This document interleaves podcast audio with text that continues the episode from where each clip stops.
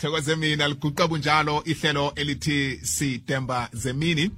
Bazokubuya nazo indaba elangeni lakusasa uqinisile uhlezi phasi kapheli mntwana ekhaya. Sesikhathi nje kuphela siyabelana sona eh sibambisene kuleli hlelo elithi sidishile njenganje asithathe umbuzo welanga. Ngibuza oligqwetha abuye abe ngucommission lapha eh ekomishanini yamalungelo wobuntu ubaba uJB Sibanyoni. Ngiyathokoza bangela bona ube nathi namhlanje. Umbuzo esuphetheko ngothi ingakhani amahelo asetshenziswako wokwethula izahlulelo zobulelesi emakhotho? Eh kusetshenziswa liphi ke ihelo eh lokuthi lo ngoba wenze lokhu uza kunikela isigwebo esingaka lo wenze lokhu uza kunikela isigwebo esingaka. Eh amajaji akhona njani ukuthi ahemise kuhle izahlulelo lezi eh ngokuya ngokobulelesi obenziweko? Sekufana nalabo abazitapele kwenthabathabeni zentolo ingakhani ijudgment izokuthini? Bangela siyakwamukela siyathokoza ukuba nathi ehlelweni kusemini nje. Ngilotshisa abalaleli bekwekwezi FM ikhanya ba. Ngilotshise nawe bobo. Ngilotshise godu nabavezi behlelo. Namhlanje singizokhuluma lapha malungana nokuthi nangabe ikhotho ihemisa bunjani ingwebo ngezinga lobulelesi. Ngifuna ke ukuhlathulula ukuthi amajaji namkha abomahastrata kukhona umthetho ebawulandelayo. Ngizathi imithetho kodwa na sibiza ukuthi ama-principles. Kuthiwa yizin triad ekumthetho namkha indlela yokuthi kugwetshwa njani nangabe umuntu utholakala amlandu begodu-ke kufanele kuqalwe ini nani. Kukhona izinto ezintathu eziqalwako. Okokuthoma kuqalwa ukuthi ubulelesi bubudisi kangangani namkha bumbi kangangani. Ngesikhuwa kuthiwa gravity of the offense. Kwesibili-ke kuqalwe ubujamo obugade bukhona lokhuya umuntu nakenza ubulelesi. Ngesikhuwa kuthiwa the circumstances of the offense.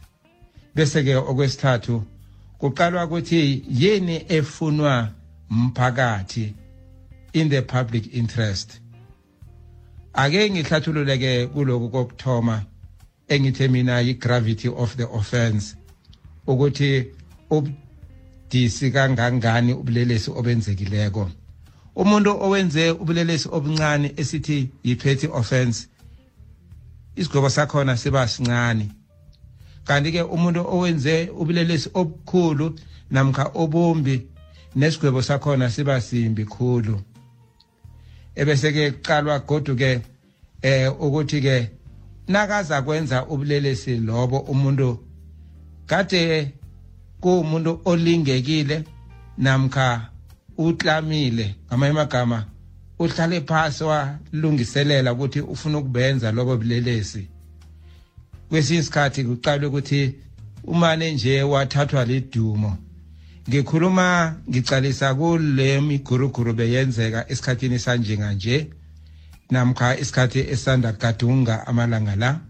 Lapho sibone khona abantu baphuma ngobuningi abantu baphatla ipahla begodu abantu beba bathatha izinto ngesikhuwa ekuthiwa yi-violent destruction of property and looting. Ikhotho-ke izothi nasele-ke ibagweba abantu labo ebese iyaqala ukuthi umuntu yini emenze ukuthi agcine selabenza ubulelesi lobo. Kuzawuqalwa ukuthi babotshelwa yini i-public violence ukuphakamisa namkha ukuphazamisa umphakathi and kuqalwe begodu kukhona enye into ebayikhulumako ukuthi abanye babo kuzathiwa ngibo ekade basasazela namkha ba-instigator i-insurrection ukuthi bafuna ukudungadunga umbuso wenarha yesewula afrika.